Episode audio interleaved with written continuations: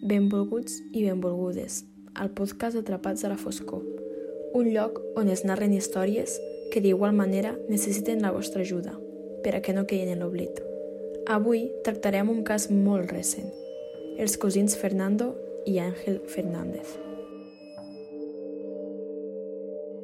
Els dos cosins, Fernando, de 17 anys, i Àngel, d'11, van desaparèixer el 2 de desembre aproximadament a les 4 de la tarda en un supermercat concretament a l'Hiperusera, de la zona de Carabanchel.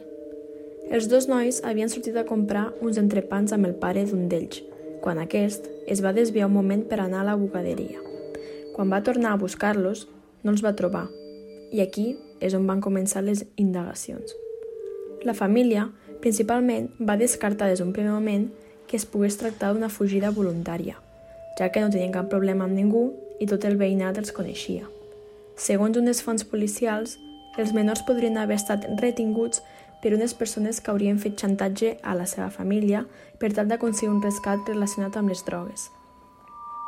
Després de diversos dies de recerca per la zona sud de Madrid, les pistes han portat els agents de la policia fins a l'abocador Ecopark de Toledo, on han identificat allà el cadàver del més gran, en Fernando, en una cinta transportadora de residus. Va ser trobat per uns operaris a l'abocador el 15 de desembre, però no va ser plenament identificat fins el 21 de desembre, després de l'autòpsia i les proves d'ADN realitzades. D'acord les anàlisis, el cadàver no presenta signes de violència, però sí lesions que podrien ser pròpies de les màquines d'escombraries. El cos no estava escarterat i no va morir el mateix dia de la seva desaparició.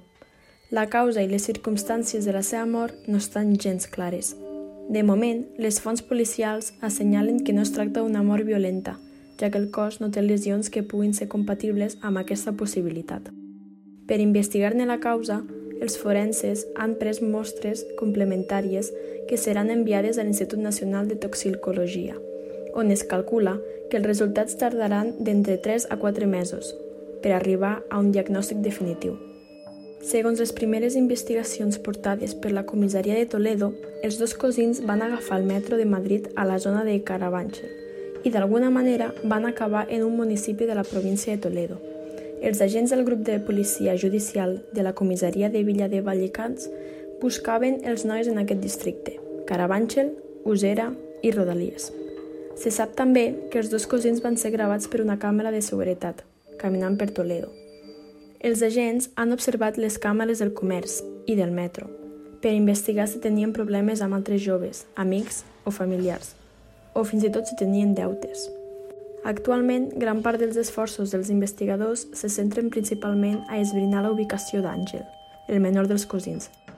Unes fonts policials assenyalen que els dos nois no se separaven mai. De fet, els investigadors continuen cercant i investigant a l'abocador Ecopark, a la llau de les restes de l'àngel. Totes les hipòtesis estan obertes. Des dels inicis de la recerca, els familiars dels nois s'han queixat del paper de la policia a la investigació. Abans que es confirmés la troballa del cos de Fernando, els pares i amics ja havien fet declaracions als mitjans en què revelaven que ningú els informava dels avenços. Com aquest cas, n'hi ha centenars i milers més casos que no se'ls dona la suficient importància per tal de tractar-los i es queden en l'oblit. Si voleu saber molts més casos com aquest, no dubteu en contactar-nos a la nostra pàgina web atrapats a la foscor.webnode.es